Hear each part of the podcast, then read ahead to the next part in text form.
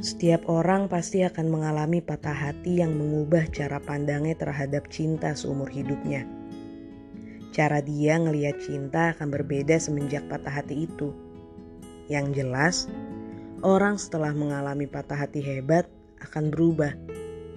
Perubahannya bisa jadi buruk banget, atau kadang perubahannya nggak akan terlalu dahsyat.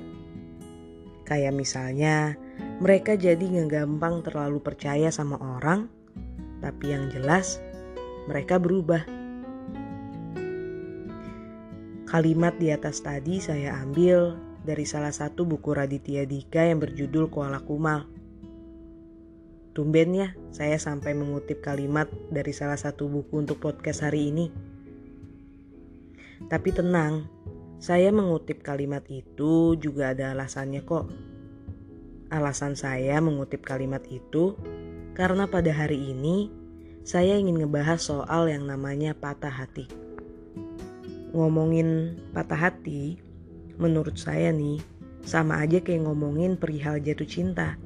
Gak akan pernah ada habisnya dan gak akan pernah ada ujungnya. Mungkin yang membedakan di antara kedua itu lebih ke arah perasaan yang dirasakan. Kayak misal jatuh cinta. Jatuh cinta itu kan katanya bisa membuat seseorang ngerasain sensasi kupu-kupu di dalam perutnya. Lalu kalau patah hati, ada juga yang beranggapan kalau patah hati itu bisa membuat seseorang mendengar patahan hatinya yang membuat dadanya terasa sesak. Ngomongin soal itu, saya juga jadi ingin cerita sedikit nih soal patah hati. Jadi saya punya teman. Dia ini seorang pria. Hatinya itu pernah patah berkali-kali dengan perempuan yang sama. Sampai pada akhirnya di suatu hari saat mereka berdua sedang dekat-dekatnya tiba-tiba saja baik teman saya dan perempuan itu akhirnya memutuskan untuk berpisah juga. Bukan karena si perempuan ini menolak rasa suka dari teman saya itu, ataupun sebaliknya, tetapi lebih karena mereka berdua tahu betul bahwa hubungannya memang seharusnya tidak pernah ada sejak awal. Karena bisa dikatakan Hubungan mereka berdua itu bila dilanjutkan hanya akan berakhir menyakiti satu sama lain. Ya kata teman saya sih gitu. Terus lanjut. Teman saya pun akhirnya galau. Patah hatinya tidak terkendalikan. Setiap hari, selama hampir kurang lebih empat tahun lamanya, dia menceritakan perempuan itu kepada saya menangisi perempuan yang sama, memaki perempuan yang sama, bahkan tertawa karena mengingat kenangan yang mereka buat berdua. Hingga akhirnya, baik kesedihan, amarah, dan kenangan yang teman saya rasakan itu perlahan berangsur hilang tanpa rasa yang sama. Meski masih tetap menceritakan perempuan yang sama untuk waktu yang lama, namun perasaan tadi yang teman saya rasakan tadi itu sudah tidak lagi tergambar di raut wajahnya. Atau bahkan ada suaranya ketika menceritakan sosok perempuan itu kepada saya. Pada saat itu juga saya menyadarinya.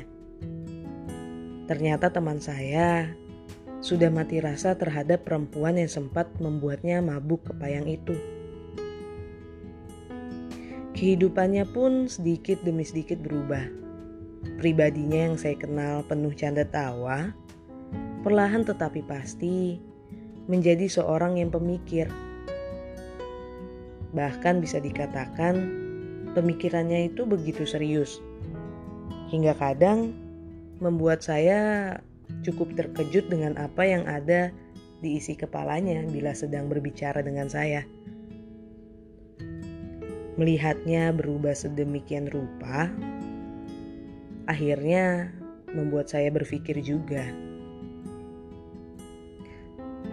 Ternyata memang benar apa yang ditulis Raditya Dika di bukunya itu. Bahwa patah hati memang merubah semua orang. Bahkan kalau saya boleh tambahkan, bukan hanya patah hati terhadap orang yang disukai saja yang membuat seseorang berubah. Tapi patah hati terhadap teman, orang terdekat, dan bahkan keluarga sekalipun juga bisa membuat seseorang berubah. Perubahannya memang gak selamanya buruk dan juga gak selamanya baik. Perubahannya bisa jadi membuatnya semakin kuat. Dan perubahan yang dirasakan oleh mereka yang pernah patah hati tentunya bukan untuk ditunjukkan kepada seseorang atau bahkan kepada mereka yang membuatnya bisa merasakan patah hati itu. Tetapi perubahannya itu ditunjukkan lebih ke dirinya sendiri seperti yang terjadi di teman saya dulu, bahwa dirinya yang dulu yang pernah menangisi seseorang dan hubungannya selama berhari-hari, menceritakannya berulang secara bertahun-tahun kepada saya, yang pada akhirnya teman saya itu bisa melewati semua kesedihan itu, bertahan dari rasa sakit itu, walau akhirnya teman saya harus meninggalkan bekas dan perasaan kosong yang membuatnya sulit untuk membuka hatinya kembali dalam kurun waktu yang cukup lama. Sekian dari saya. Selamat malam semua dan jangan lupa istirahat.